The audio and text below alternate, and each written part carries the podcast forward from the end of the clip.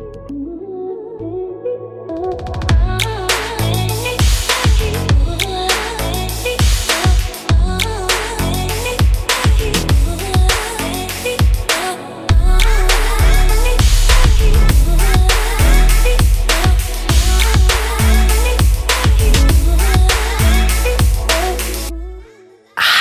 og velkommen til en eh, ny episode. Dette er del to av historien til eh, Glenn. Så hvis du ikke hørte forrige ukes episode, så anbefaler jeg deg å høre den først. For i dag er nemlig fortsettelsen hvordan eh, er egentlig livet i fengsel? Får man seg venner? Hvordan var det å bli tatt? Hvordan har det vært med familie? Hvordan kan man få seg kjæreste? Det er veldig mye jeg lurer på, og i dag skal jeg bli enda bedre kjent med Glenn og hans historie, og det er jeg veldig spent på. Så jeg tenker at vi bare kjører i gang med Hva skal man si? Glenn del to. Eh, livet etter han ble tatt. Kanskje vi skal kalle det det. Ja. Vi bare kjører i gang, tenker jeg. Takk for at du hører på.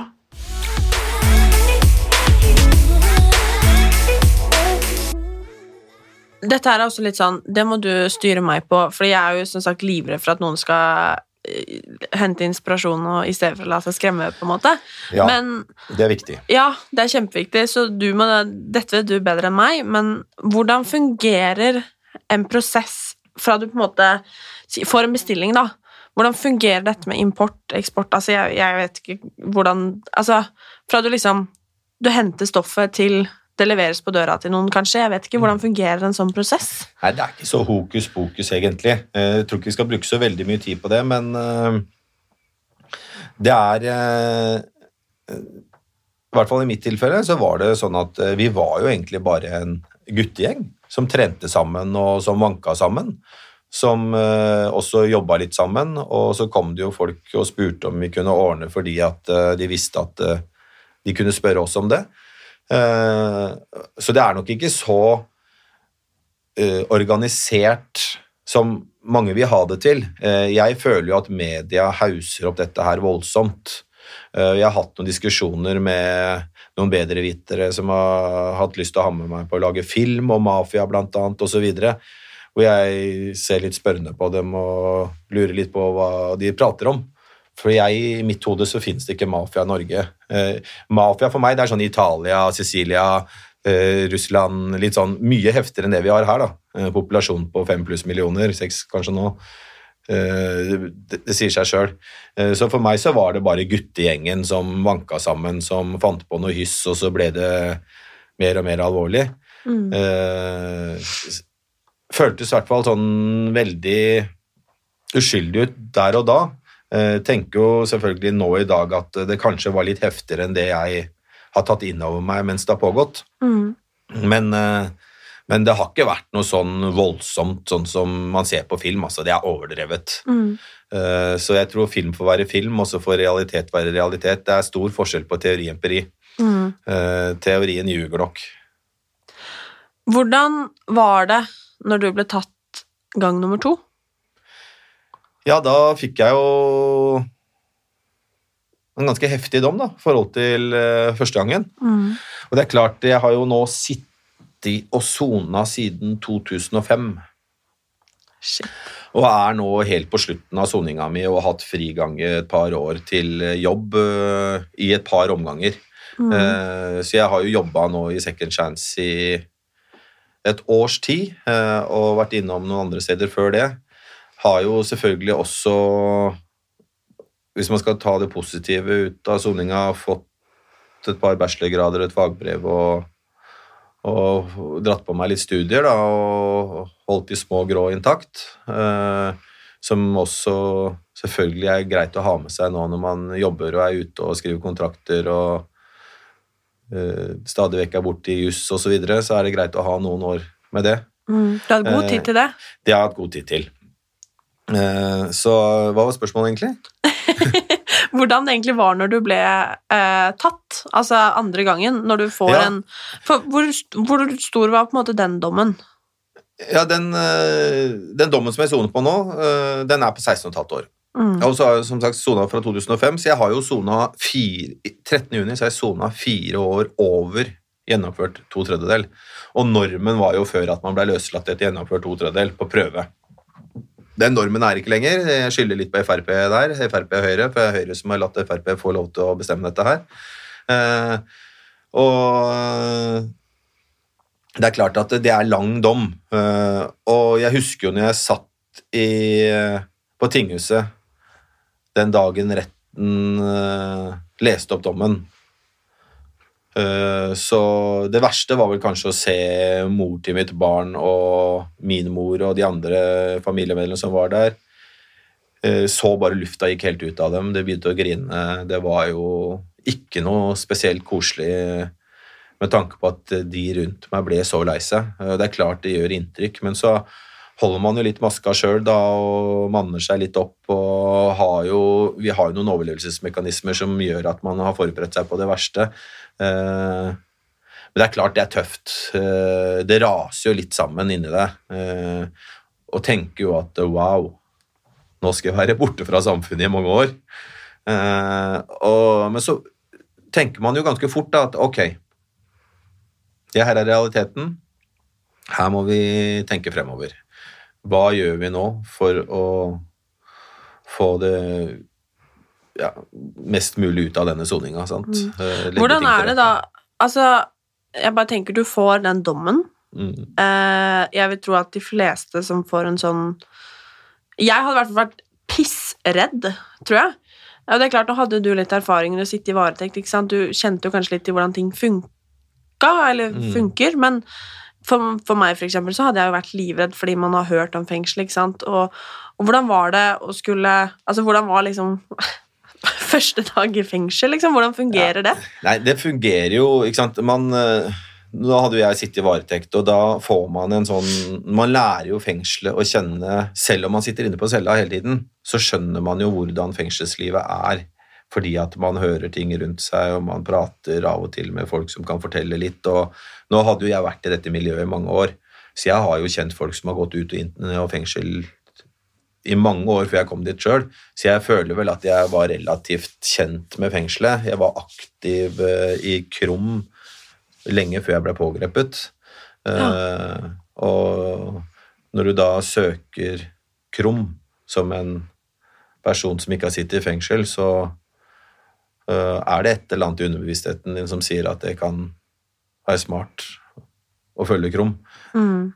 Det er jo fordi at jeg hadde mennesker som uh, gikk ut og inn av fengselet hele tiden. For hva Bare sånn for, forklar kort, hva er KROM? Altså hva Det er Norsk forening for kriminalreform. Mm. Uh, hadde 50-årsjubileum i fjor, så det har jo eksistert i nå 51 år, da. Mm. Eh, ble stifta en som heter Thomas Mathisen, som kanskje er en av de mest kjente kriminologene vi har, som underviser på juridisk fakultet, og som var god kompis av Nils Kristi, som er på en måte Gud for alle som er i det miljøet. Mm. eh, hvor styret består av en del advokater, høyesterettsadvokater, doktorfiloser osv. Mm. Eh, øverste sjiktet av jurister. Mm. Så det er jo et hyggelig selskap å være i. Eh, og gøy at de syns at det er greit at jeg også er med der, Mm. eh, og føler at eh, de kan bruke meg til noe. Mm. Men det som er viktig å få med, er jo at de sitter på teorien, jeg sitter på empirien, Mm. og det kan være lurt i enkelte saker. For du har jo fått en enorm erfaring som de færreste har, heldigvis. Ja. Og altså, ja, vi hopper ett skritt tilbake igjen nå. For Mm. hvordan er det når man kommer inn i fengsel første Ja. gang? Eh, eh, fordi jeg, jeg hadde tenkt å si litt om det. Eh, så jeg kjenner jo da fengselet litt mer enn kanskje veldig mange andre gjør når jeg kommer inn. Eh, det som er viktig å få med her, er at eh, vi er fortsatt i Norge, som er et lite land. Det er få innsatte, det er små fengsler med liten populasjon. sant? Sånn at eh, når jeg kommer inn i fengselet, så vet allerede de fleste at jeg er pågrepet, og de fleste har, om ikke de har møtt meg før, så har de hørt om navnet mitt.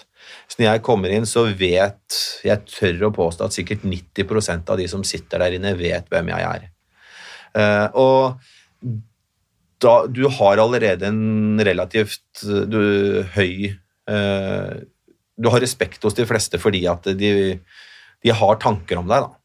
Eh, og så velger jeg å tro at jeg er en ålreit fyr, da. Så Irriterende ålreit, faktisk. Ja, det er hyggelig at du sier det. hyggelig at du sier at er ålreit, da, i hvert fall. Jo, men Eh. man tenker jo liksom sånn ah, Så mange år i fengsel, liksom. Man tenker jo Man har nesten lyst til å tenke på deg som en drittsekk. Ja, det skjønner jeg jo. Ja, men jeg kjenner det. At det er, sånn, det er nesten De fleste tenker jo at jeg skulle sitte i fengsel livet ut, kaste nøkkelen, Mm. ikke sant, for det man har gjort. Uh, og jeg ser jo, ser jo det, uh, men så tenker jeg jo også at uh, vi ønsker at folk skal forandre seg og leve et liv. For å sitere lederen Are Høydahl Nå hopper vi lett, det kan komme tilbake til Ja, når vi vi sitter inne. Men, men for å sitere lederen Are Høydahl, da, som um, er leder for Halden fengsel, og som har vært leder for Oslo fengsel i mange år Når han ofte blir spurt av journalister, så spør han hva ønsker du deg av innsatt når han blir løslatt? Ønsker du deg en tikkende bombe, eller ønsker du deg en velfungerende borger? Og det svaret gir seg jo sjøl, ikke sant? Ok, hva skal vi gjøre da for å få en velfungerende borger? Jo, vi må være humane, vi må ha en utslusning, vi må rehabilitere, vi må sørge for at det mennesket som er bak disse gjerningene, faktisk fungerer den dagen de blir løslatt, og ha et håp om at man ikke gjør det igjen. Eh, eh, og da er det klart at da eh, må man også legge til rette for at det er et visst innhold i denne soninga. Da nytter det ikke bare å så putte, man, putte den inn i et bur og så kaste nøkkelen. Det blir ikke bra mennesker av. Mm. Eh, Og det ønsker vi ikke, eh, for man, alle skal ut en gang. Eh, Sånn er det i Norge, og da må vi jo faktisk gjøre det vi kan for at det blir det beste resultatet av seg sjøl. Men tilbake til eh, Ja. hvordan det var å sone. jo, eh, så, eh, så når jeg da kommer inn, så opplever jeg det hver gang jeg kommer til et nytt fengsel, eller kom til et nytt fengsel, så opplevde jeg det at eh, de var veldig på og hei og liksom har masse spørsmål. Eh, Noen lurer litt på åssen jeg er som fyr, ikke sant. Og så lærer de meg å kjenne, og jeg er jo åpen og sosial og tar imot de fleste.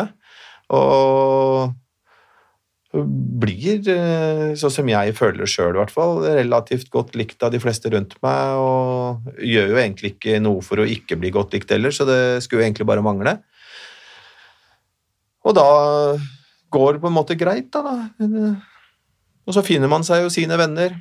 Var du redd? Eh, Nei, jeg har aldri vært redd. Eh, Men jeg har jo ikke hatt noen grunn til å være redd heller, for jeg har jo ikke gjort noen noe vondt på innsiden eh, når du kommer i fengselet. Det er jo likesinnede Og jeg har jo aldri skyldt noen penger, jeg har aldri gjort noen noe vondt. Så jeg hadde ikke noe Føler ikke at jeg har hatt noen grunn til å være redd. eh, Og så nei, jeg har ikke det. Eh, Og så tenker jeg at ok, hvis det kommer en eller annen som har lyst til å teste meg ut eller prøve seg, da, ja, da får det bare stå ut, da. Da får det gå som det går. Han slår meg, jeg slår tilbake, og så velger jeg å tro at det er han som ligger, jeg står. Har det skjedd? Det har skjedd. Ja. Ja. Så det skjer. Det skjer. Ja. Det har ikke skjedd meg så ofte, heldigvis, men det skjer ofte i fengsel. Det gjør det. Mm. Man, det er mye konflikter, ikke sant? og folk er store i kjeften, og det er ikke alle som syns det er ålreit. og Folk går og baksnakker, slenger, slenger dritt, sprer løgner. Klart folk reagerer der inne som på utsiden, og når du bor oppå hverandre, så er lunta kortere. Vet du. Det er liksom Paradise Hotel Man kan ikke trekke seg unna der inne. Det kan du ute. Nei, det er jo helt sykt. Mm. Men uh, hva skulle jeg spørre om? Jo, uh, hvordan type sikkerhet uh, satt du på i starten? Jeg satt jo på høysikkerhet. Jeg har jo sittet på høysikkerhet i mange år. Jeg har jo sittet på høysikkerhet i eh, over ti år av de 15 årene jeg sona. Ja.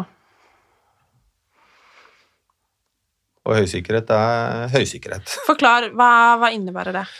Høysikkerhet, vi kan jo skille det i tre kategorier. Du har uh, lukket fengsel, som er høysikkerhet, som Ullersmo, Ringerike, Halden, Skien og den type fengsler, mm. uh, hvor man da uh, i utgangspunktet ikke får permisjoner, men at man kan få permisjoner etter hvert. Men så er tanken da at så fort man har opparbeida seg tillit nok til å få permisjon i forhold til eh, tiden, da må man sone minimum en tredjedel av eh, dommen for å kunne få perm, da skal man sluses videre. Og da kommer man til noe som heter åpen soning, hvor det er da mer tillit. eh, Skal være. Jeg føler kanskje ikke at det er det, men det skal være det. Eh, Men man har i hvert fall en del muligheter. Eh, Ofte drar da på fremstillinger, dvs. Si at man reiser ut med ansatte på ja, kan være kino, bading, bowling etc. Eh, Får oftere permisjoner, får flere permisjoner, eller lengre permisjoner, eh, mer permisjoner, antall permisjonsdøgn. Utgangspunktet så er det 18 permisjonsdøgn i året. Kan søke om utvida permisjonskvote til 30, som er normen på åpen. Og etter hvert da, hvis man ikke blir løslatt fra åpen, hvis man har en lang dom og det tilsier at man skal innom noe som heter overgangsbolig, som da er enda mer tillit, og der er det tillit. For der går alt på tillit. Der blir du sluppet ut om morgenen, drar på jobb, kommer tilbake på kvelden til avtalt tid, og da forventer man at du gjør det du skal gjøre, at du er på arbeidsplassen, følger det jobben sier, og at du ikke er på andre steder. Mm. Blir du tatt for å gjøre noe annet enn det du skal gjøre, så er veien veldig kort tilbake på lukka, og da går du ikke tilbake på åpen, altså, da går du rett tilbake på lukka høy sikkerhet. Så risikoen er eh, stor for å bli tatt, og konsekvensene er kjempealvorlige. Og sånn bør det være. For det er ganske mange der inne som ønsker å komme på overgangsbolig og åpen soning, og som bør få sjansen hvis de som ikke overholder reglene, klarer det. Mm. Da tenker jeg at da er det bare rett og rimelig at man eh, bytter litt. Hvor er du nå? Nå er jeg på overgangsbolig. Eller det, er, det, det kalles for overgangsbolig. Eh, Det heter elevator, Fretex elevator. Eh, Det er paragraf 12-soning, så det er i friomsorgen. Overgangsbolig, sånn som Oslo overgangsbolig, som nå består av Arups gate og Sandaker, det er innunder kriminalomsorgen. Så det er en liten forskjell. Eh, Vi merker nok ikke så mye til det, annet enn at det er friomsorgen som på en måte setter reglene og rammene og sørger for at du gjør som de skal, mens det er Mm. kriminalomsorgen som sørger for at Oslo overgangsbolig gjør som de skal. Mm. Friomsorgen det er dit du kommer når du på en måte er ferdig i kriminalomsorgen. Eh, De som er på lenkesoning, som mange har hørt om sikkert, hjemmesoning, de er i friomsorgen. Ok. Mm. Hvordan ser en vanlig dag ut på høysikkerhet? Ja, den eh, er eh, du, Det er litt sånn forskjell fra fengsel til fengsel. Det, det skiller sånn type kvarter, halvtime i tidsaspekt for når du blir låst ut om morgenen. Men hvis vi går ut fra normen, da, som er at man blir låst ut eh, klokka sju, dvs. Si at døra til cella di blir låst opp, så kan du gå ut på Og da er du på fellesskapsavdeling. Mm. Eh, så blir du, kan du gå ut på fellesavdelinga, lage deg frokost, spise, gjøre deg klar til å um, dra på sysselsetting. Det kan være jobb, studier, whatever, Mm. eh, som normalt sett er åtte.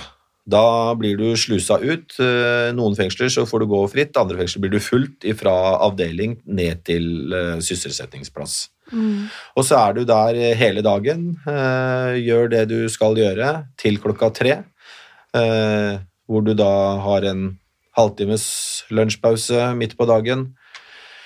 Reiser tilbake på avdelingen klokka tre, spiser middag, som fengselet står for. Eh, blir låst inn en time midt på dagen hvor eh, det er vaktbytte og pause for de ansatte. Og så blir du låst, og det er ofte sånn fire pluss minus til fem. Og så blir du låst ut igjen, så har du fellesskapsavdeling, fellesskap fram til halv ni-ni. Eh, Da er det forskjellige dager for hver enkelt avdeling, så da har du typ to dager i uka hvor du har trening. De dagene du ikke har trening, så har du en time luft. Noen steder så har du stor og liten luftegård. Det vil si at du på, veldig ofte så har du på den store luftegården så har du kanskje en dag i uka hvor det er eh, fotballbane og sånne type ting. I Halden så er det kombinert, så da kan du velge om du vil trene eller være ute på fotballbanen. Eh, liten luftegård det er sånn som ofte blir kalt for et hundebur, hvor det er relativt lite, hvor du kanskje er noen benker og mulighet til å gå litt. Grann. Mm. Eh, Når det ikke er lufting, så er det fellesskap på avdelinga. Så hender det at det kommer sånne institusjoner Nei, eh, ja eh, Det kommer rød, Blå Kors, Røde Kors Ja, ja, forskjellige som ja, sånne, ja. Som kommer inn på besøk, og da har du Mhm. mulighet til å skrive deg på en liste da, og så være med på dette her, som ofte blir arrangert i kirken eller kapellet eller et tilegna rom til dette her. Mm. Får man seg eh, venner i fengsel? Man får venner som er venner der og da, eh, men jeg tror at de fleste bryter med de vennene man får i fengsel, og at det ikke er venner man velger å ta med seg på utsiden. Eh, Jeg tror noen gjør det, men jeg har ikke gjort det så veldig mye. Eh, Jeg har truffet noen eh, få som jeg ønsker å ha kontakt med, og som jeg har kontakt med. Eh, Og de fleste av de har vært på åpen soning og på elevator. Mm. Eh, ellers er det veldig, veldig få jeg har truffet i løpet av soninga som jeg kommer til å ha kontakt med, annet enn gjennom jobb, da, som er naturlig. Når jeg jobber i Second Chance og hjelper tidligere straffedømte ut i arbeid, så sier det seg sjøl at da møter jeg en del kjente. Mm. Eller B-kjente. Mm. Altså Nei, jeg syns det er ganske heftig, det livet du har levd. Og det er sånn jeg tenker sånn uh, Ja, jeg er 22, ok, du har egentlig liksom vært i fengsel uh, omtrent hele mitt liv. Og det blir nesten halve ditt liv? For hvor gammel er du? 49. Ja. Det er store deler av livet ditt, ass. Har du Hva er det du er mest lei deg for at du har gått glipp av? Oppveksten til eh, barna mine. Mm. Det skjønner jeg. Mm. Har de vært mye sinte for deg? Mye mer enn jeg aner, tenker jeg. Mm. For det når man, jeg nå, Dette vet jo ikke jeg, men sånn, jeg tenker sånn bursdager, jul, andre høytider, liksom. Mye jeg har gått glipp av. Mm. Hva har liksom vært verst? Sånn, jeg tenker sånn generelt. Jula er jo en høytid som varer over flere dager, og som man har mye gode minner rundt, eh, som selvfølgelig er eh, tung.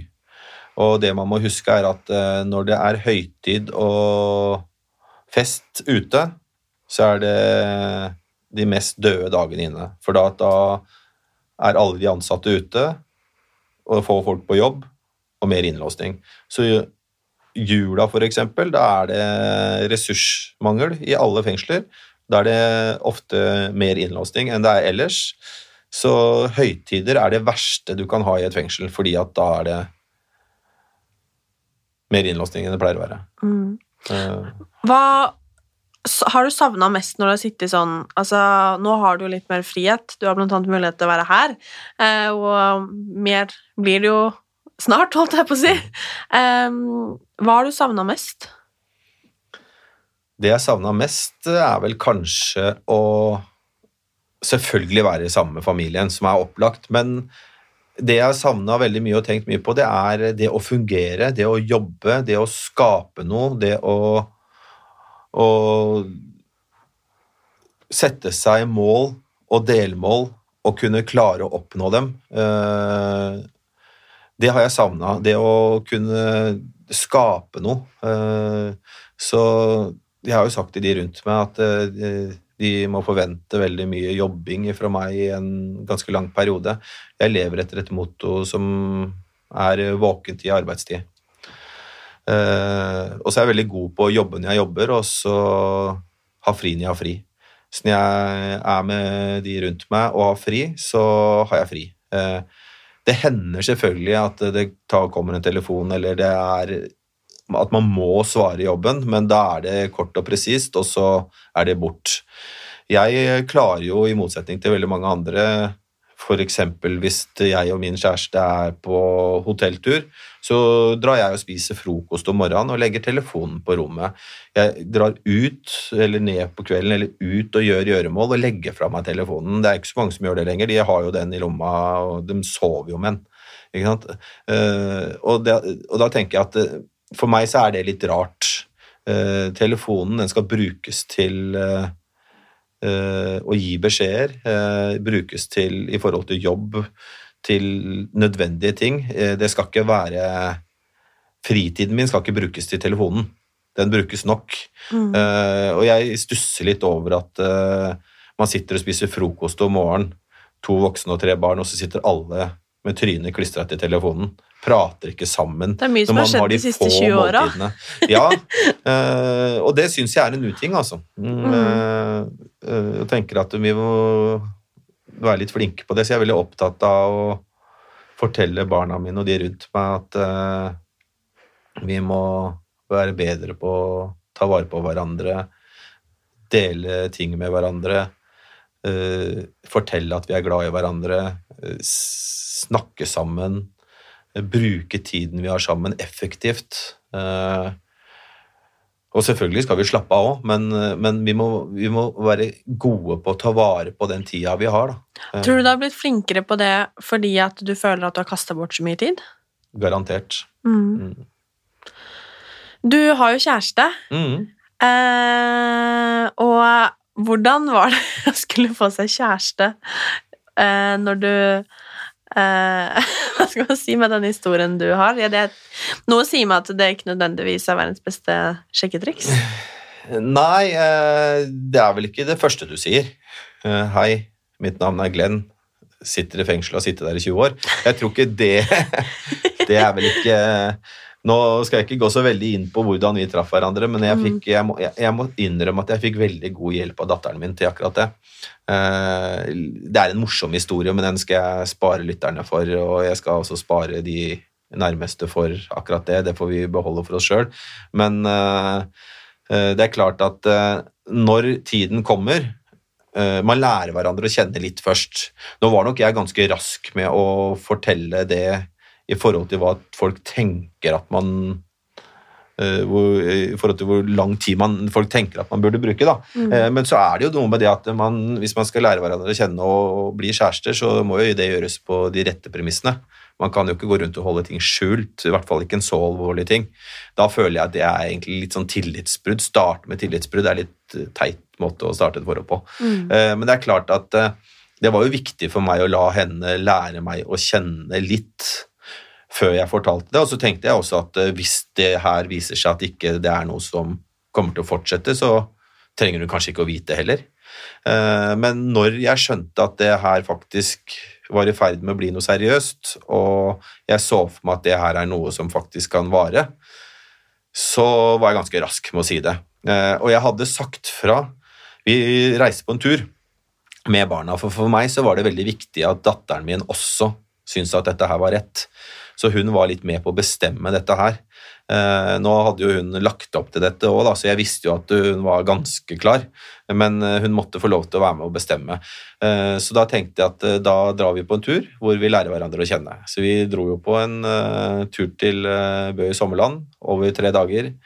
Og da hadde jeg annonsert ganske god tid i forveien at det er ikke noe å være redd for, det er ikke noe å tenke veldig mye over, men eh, i løpet av den turen så har jeg noe veldig viktig å fortelle deg, og det kan være veldig avgjørende for hvorvidt vi kommer til å være sammen videre eller ikke. Eh, Og det var litt fordi at jeg ville at hun skulle forberede seg på det òg. Hun skjønte jo at det var noe heftig, men hun spurte ikke noe mer. Hun slo seg til ro med at ok, greit, det, det respekterer jeg. Eh, og, men det kom jo som et sjokk når det kom, for hun hadde jo lært meg å kjenne, og hun uh, sa vel litt sånn som du sa innledningsvis, at det kunne aldri falt meg inn. Mm. Det, jeg kunne sett for meg mye rart, men ikke det. Og det tenker jeg jo er litt hyggelig og ålreit, ikke bare fordi at uh, det sier jo det gir jo meg en del svar på at eh, jeg kanskje ikke har tatt så veldig mye skade av disse 20 årene i fengsel, for det tenker man jo kanskje at eh, 20 år i fengsel, da blir man litt tullerusk, vel. Eh, og det er det mange som blir, og altså, det må jeg si. Eh, jeg har vel vært heldig og føler at jeg har klart meg ganske bra, og det merker jeg jo da på de menneskene rundt meg, altså, som jeg jobber med hver dag, som ikke aner at jeg har sittet i fengsel. Eh, Så de vet ikke? mange av de vet ikke det, men de får kanskje vite det etter hvert. Mm. Og jeg også tenker at det er en bra ting, for at hvis jeg reiser rundt til bedrifter da, og skal promotere Second Chance, eh, og de vet jo at jeg jobber med tidligere straffedømte, og at det er mange av de CV-ene jeg sender til dem, er fra personer som har en dom, eh, har sona mange år i fengsel. Allikevel, så når jeg kommer til dem da, så faller det dem ikke inn at jeg kan være en av de. Og så starter jo ikke jeg, ikke der heller, med å si at hei, mitt navn er 20 år i fengsel. Ikke sant? Eh, Jeg starter med å fortelle om Second Chance, hvordan vi jobber, eh, hvor viktig det er å gi folk en sjanse, osv., osv. Mm. Eh, og kanskje da etter møte to-tre så, mm, så faller praten inn på at det er naturlig for meg å si at ja, jeg også er jo en av de som har sittet i fengsel. Hæ? Mm. Jeg husker spesielt et møte med med en av Norges største bedrifter, HR-ansvarlig der, som på en måte har ansvaret for et par tusen ansatte. Hatt to-tre møter, og så forteller jeg at jeg har sittet i sammenhengene fra 2005, og så begynner hun å le og sier at jeg går, jeg går på mye rart, men den går jeg ikke på, sier han. Jo, det er helt sant. Nei, slutt å tulle. Hun ville ikke hun, I ti minutter hun ville ikke tro på det. Helt til kollegaen min på en måte sier jo, det er sant. Er det sant? Ja. Så, og, og det, kan, så det er jo ålreit, da, å, å forstå at uh, det ikke er så lett. Og det er litt viktig òg. Du kan ikke se hvem det er som har sittet i fengsel. Det er vanskelig å si hvem som har sittet i fengsel. Mm. Vi har jo et prosjekt vet du, når vi reiser rundt og har disse foredragene, hvor eh, Thomas Kahn fra Kriminalomsorgen, som eh, eh, leder hele showet, han har, starter alltid med både til barna på dagen og til de voksne på kvelden, som vi også har foredrag for, på kvelden, eh, med å si at eh, kan dere peke ut hvem er det som er ansatte, og hvem er det som er innsatte av de som sitter her oppe. Og da er det jo politi, det er toll, kriminalomsorg, med flere, og tre innsatte. Mm. Eh, Jeg har til dags dato ikke blitt plukka ut som innsatt. Så sjukt. Ja, det er Men jeg, jeg skjønner jo hvorfor, og det er som jeg sa, jeg heller liksom tenker jo ikke på det. Men jeg lurer eh, Har du mista mange på grunn av dette her? Eh, Hva tenker du på? Mista, mista som venner, eller mista Mm, ja, som venner, altså familie, altså hva- døde, eller bare legger ja, mista? Ja, for så vidt det òg. Skjønner at jeg pleier ikke å tenke på at man har liksom mista en haug av venner sånn, Nei. egentlig. Men eh, sånn, er det mange som har droppa deg, da, på grunn av dette her? Eh, ja Det kan man jo godt si, eh, men det, når du sitter så mange år i fengsel, så mister man jo kontakten, for jeg kan jo ikke kommunisere med dem på noen annen måte. Jeg kan skrive brev. Men det er litt gammeldags, da. Eh, Men jeg gjorde det i starten til noen, men etter hvert så har du ikke noe å fortelle. Dagene er lite, like, og det er eh, lite spennende. Livene deres går videre, mitt stopper opp. Eh, Så, så det blir en sånn naturlig greie at man mister kontakten.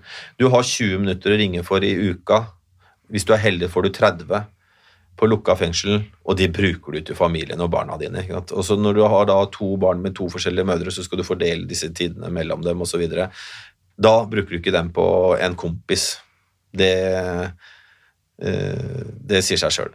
Så man, det blir en sånn naturlig greie at man mister kontakten. Men det jeg ser nå, som jeg syns er litt ålreit, det er jo at eh, på Facebook, eksempel, så har jo veldig mange av disse gamle vennene mine da, fra fotballen og fra mm, Oppegård og gamle stedet, de har jo da fått med seg at nå er Glenn ute igjen, eller de tror jeg er ute, fordi at jeg er ikke veldig aktiv på Facebook, det skal jeg si. Eh, Det får hun kjæresten, sin, kjæresten min ta seg av. Så jeg legger veldig lite ut.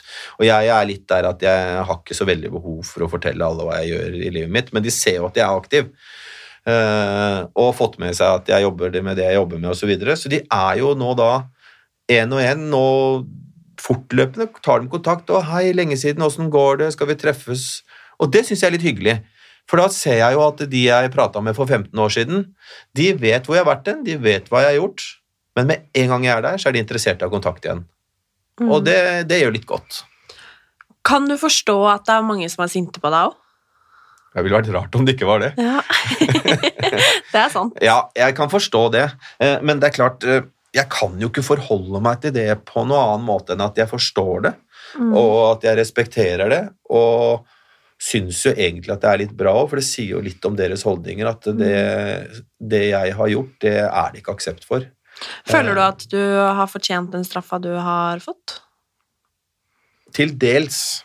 Eh, Jeg syns nok kanskje den var litt streng i forhold til det innholdet og måten ting har blitt gjort på og sånn, men dette her blir en eh, Jeg skal ikke sitte her og og ha en uh, prosess. Nei. Uh, jeg tenker at uh, man skal være litt forsiktig med å uttale seg om det, for at det, det kunne tatt flere dager og fortalt hva jeg tenker om det. Mm. Uh, og det blir lite interessant for de lytterne der ute òg, tenker jeg. Mm. Så sum summarum blir vel at ja, egentlig. Men så For man vet jo at Du har jo selv, som du sier, mista venner til overdose.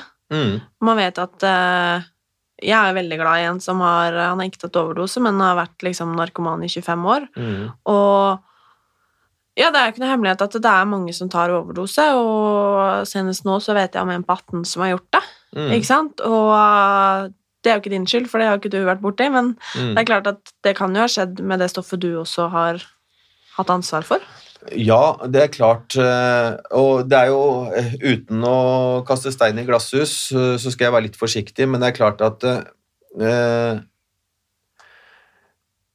Og det prøver jeg å si til ungdommen nå, at det, som er farlig, da, det er at det er ikke tull det de voksne sier om at du begynner med alkohol, og så røyker du hasj, og så bruker du kanskje amfetamin, og hvis du er i et houseparty-miljø eller er glad i å feste, så blir det mye ecstasy, og så ender det faktisk opp med heroin.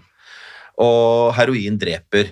Eh, De fleste som bruker heroin i lang tid, de ender opp med å ta livet av seg. De to kompisene mine, de tok også hele den veien her, og endte opp med heroin og døde av en overdose av heroin. Eh, og når jeg sier at jeg skal ikke ste- kaste stein i glasshus, så skal jeg være litt forsiktig med å si dette her, men jeg også tenker jo da at det er litt forskjell på å være ungdom og teste ut livet lite grann, selv om jeg ikke anbefaler det, altså, eh, ved å røyke en bønne i ny og ne i russetida, som veldig mange gjør, kanskje prøve amfetamin når man er på en fest, og drive med heroin. Eh, Fordi at eh, de fleste der ute er sunne og fine ungdommer. De fleste klarer å la være å gå den veien. Men ja, det er noen som går den veien. Er ikke veien veldig kort, da? Veien er kort, men det er jo et fåtall, ikke sant? så vi må jo fokusere på den sunne og flotte ungdommen vi har, og alle de fine menneskene der ute som faktisk lever et veldig veldig fint liv og gjør det utrolig bra på skolen og er ikke sant, Norges fremtid. Eh, men så må vi jo ikke glemme de svake som også lar seg kanskje lure eller ta feil veivalg. Da. Så jeg tenker at vi må, vi må jo være der for dem også. Vi må gjøre alt vi kan for å hjelpe dem. Eh, Og det er det jeg ønsker å gjøre nå. Eh, Men eh, Så jeg tenker ikke så veldig over at noen av de som har fått noe av det jeg har tatt inn, kan ha dødd av overdose. Det har jeg ikke tenkt så mye på. Eh, Og jeg prøver ikke å forsvare det at man dør ikke av en overdose av hasj heller, kontra heroin. Men, men det jeg tenker er verst, er jo at man starter der, og så går man videre, og så tar man kanskje heroin som ikke jeg kjenner så godt til, da, og ender opp med en overdose. Så at jeg har vært med på å kanskje la noen få lov til å starte den veien, det kan jeg være med på, og det har jeg nok helt sikkert. Eh, Men eh, når du lever i bobla, er en del av det livet sjøl, så tenker man at man gjør folk rundt seg en tjeneste og ikke noe annet. Har du brukt stoff selv? Ja, det har jeg. Mm. Vi skal snart runde av, men jeg lurer på eh, Det viktigste for meg, og egentlig det viktigste for deg, er jo egentlig forebygging. Og at Ja. eh, jeg vil jo helst at de skal fortsette å spille fotball og ikke begynne å smugle. Mm. Eh, og det er det du vil òg. Mm. Og jeg lurer på, har du noen råd til den ungdommen som kanskje lytter, eller unge voksne, eller hva det nå er, som kanskje vurderer, eller har muligheten til å gjøre noe kriminelt, og som sitter litt, du vet, sitter på gjerdet og venter, skal, skal ikke, for jeg tror Mm. veldig mange er så Igjen, da veien er veldig kort fra på en måte Ok, jeg gjør det, da, til å være Vet du hva, nei, dette er ikke noe for meg. Har du noen råd til de? Eh, eh, Jeg har noen råd til de, og så har jeg egentlig noen råd til samfunnet og de som styrer eh, litt eh, hvordan ungdommen skal bli. Ja. Skoler osv. Jeg er jo kjempeglad for at skoler ønsker å f.eks. ta imot uh, mitt team, da, forebyggende krim- og rusteamet som jeg jobber i. Mm. Fordi at jeg tenker at hvis noen hadde kommet på min skole når jeg var 15 14-15 år, og fortalt akkurat det vi forteller i dag, til meg, så tror jeg kanskje at jeg har valgt fotball istedenfor kickboksing, og da hadde jeg mest sannsynligvis aldri sittet i fengsel og gjort det jeg gjorde.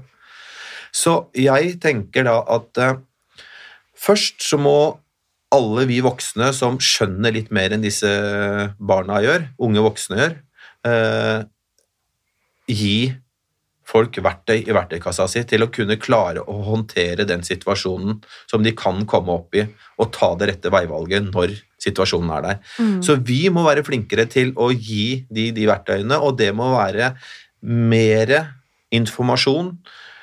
Opplyse ungdommen om konsekvenser og hva, hvor det vil føre. Og da må sånne som meg og de som har kjent dette på kroppen sjøl, ut og prate med dem. Det hjelper ikke om en lærer sitter og forteller noe som han eller hun har lest i en eller annen bok, for det funker ikke. Det vet vi, og det sier ungdommen også. De kjenner på det på en helt annen måte når det er ekte kjent. Eh, og til de ungdommene der ute som eh, er i et miljø, eller uh, vurderer å tenker at eh, å, her kan jeg tjene noen kjappe penger, eller eh, Mm. tenker at det å slå en fyr eller stabbe noen med kniv eller noe, det er ikke så farlig.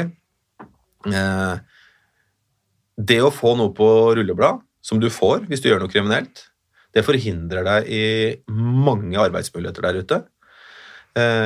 Eh, det vil føre til at alle, og da tror jeg nesten alle, eh, mennesker rundt deg vil eh, ha et helt annet bilde av deg enn det de hadde før de gjorde det kriminelle.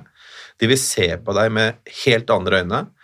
De vil eh, behandle deg på en helt annen måte.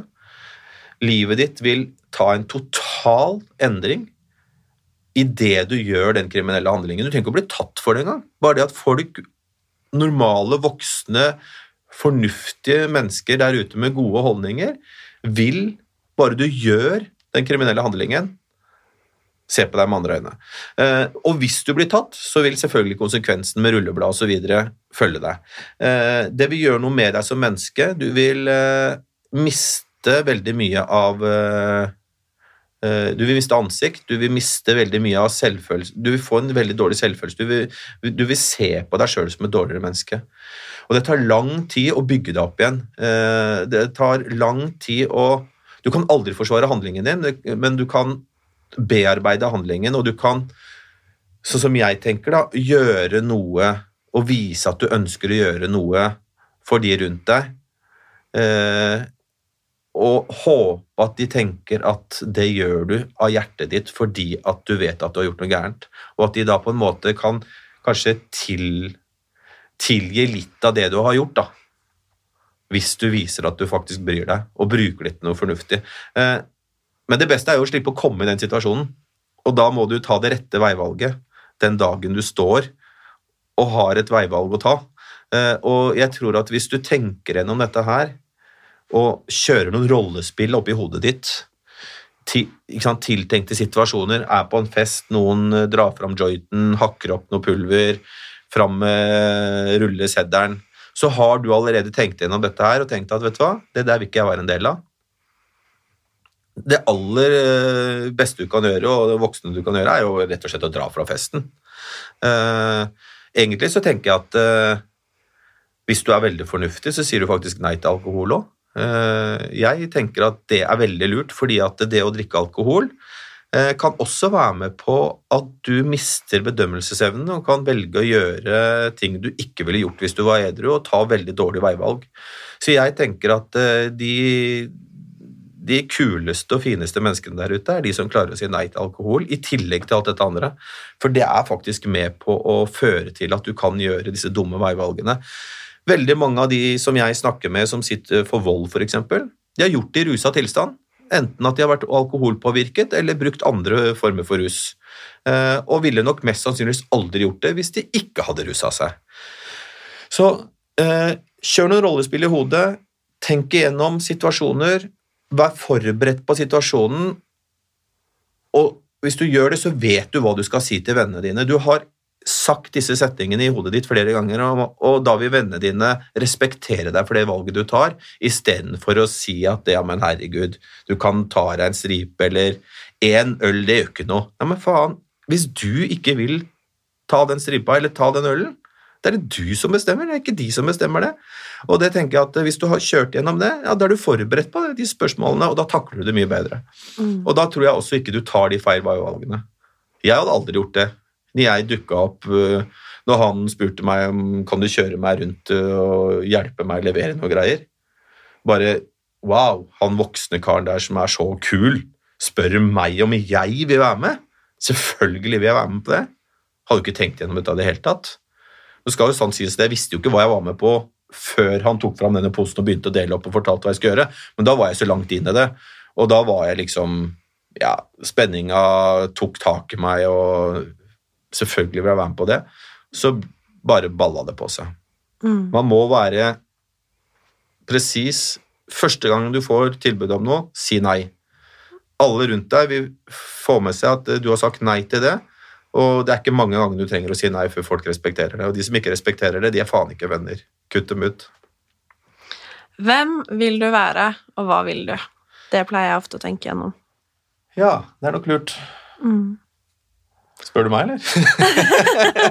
Nei, Nei. tenker at det har du tenkt nok på. Jeg er 20 år nå. Ja, Forhåpentligvis funnet ut, av. ja, Jeg tenker at vi runder av der, Glenn. ja.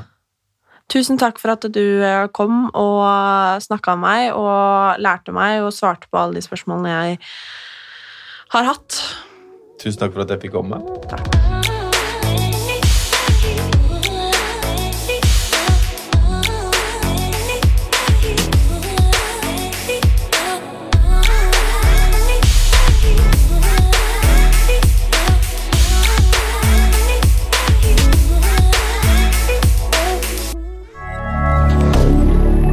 Moderne media.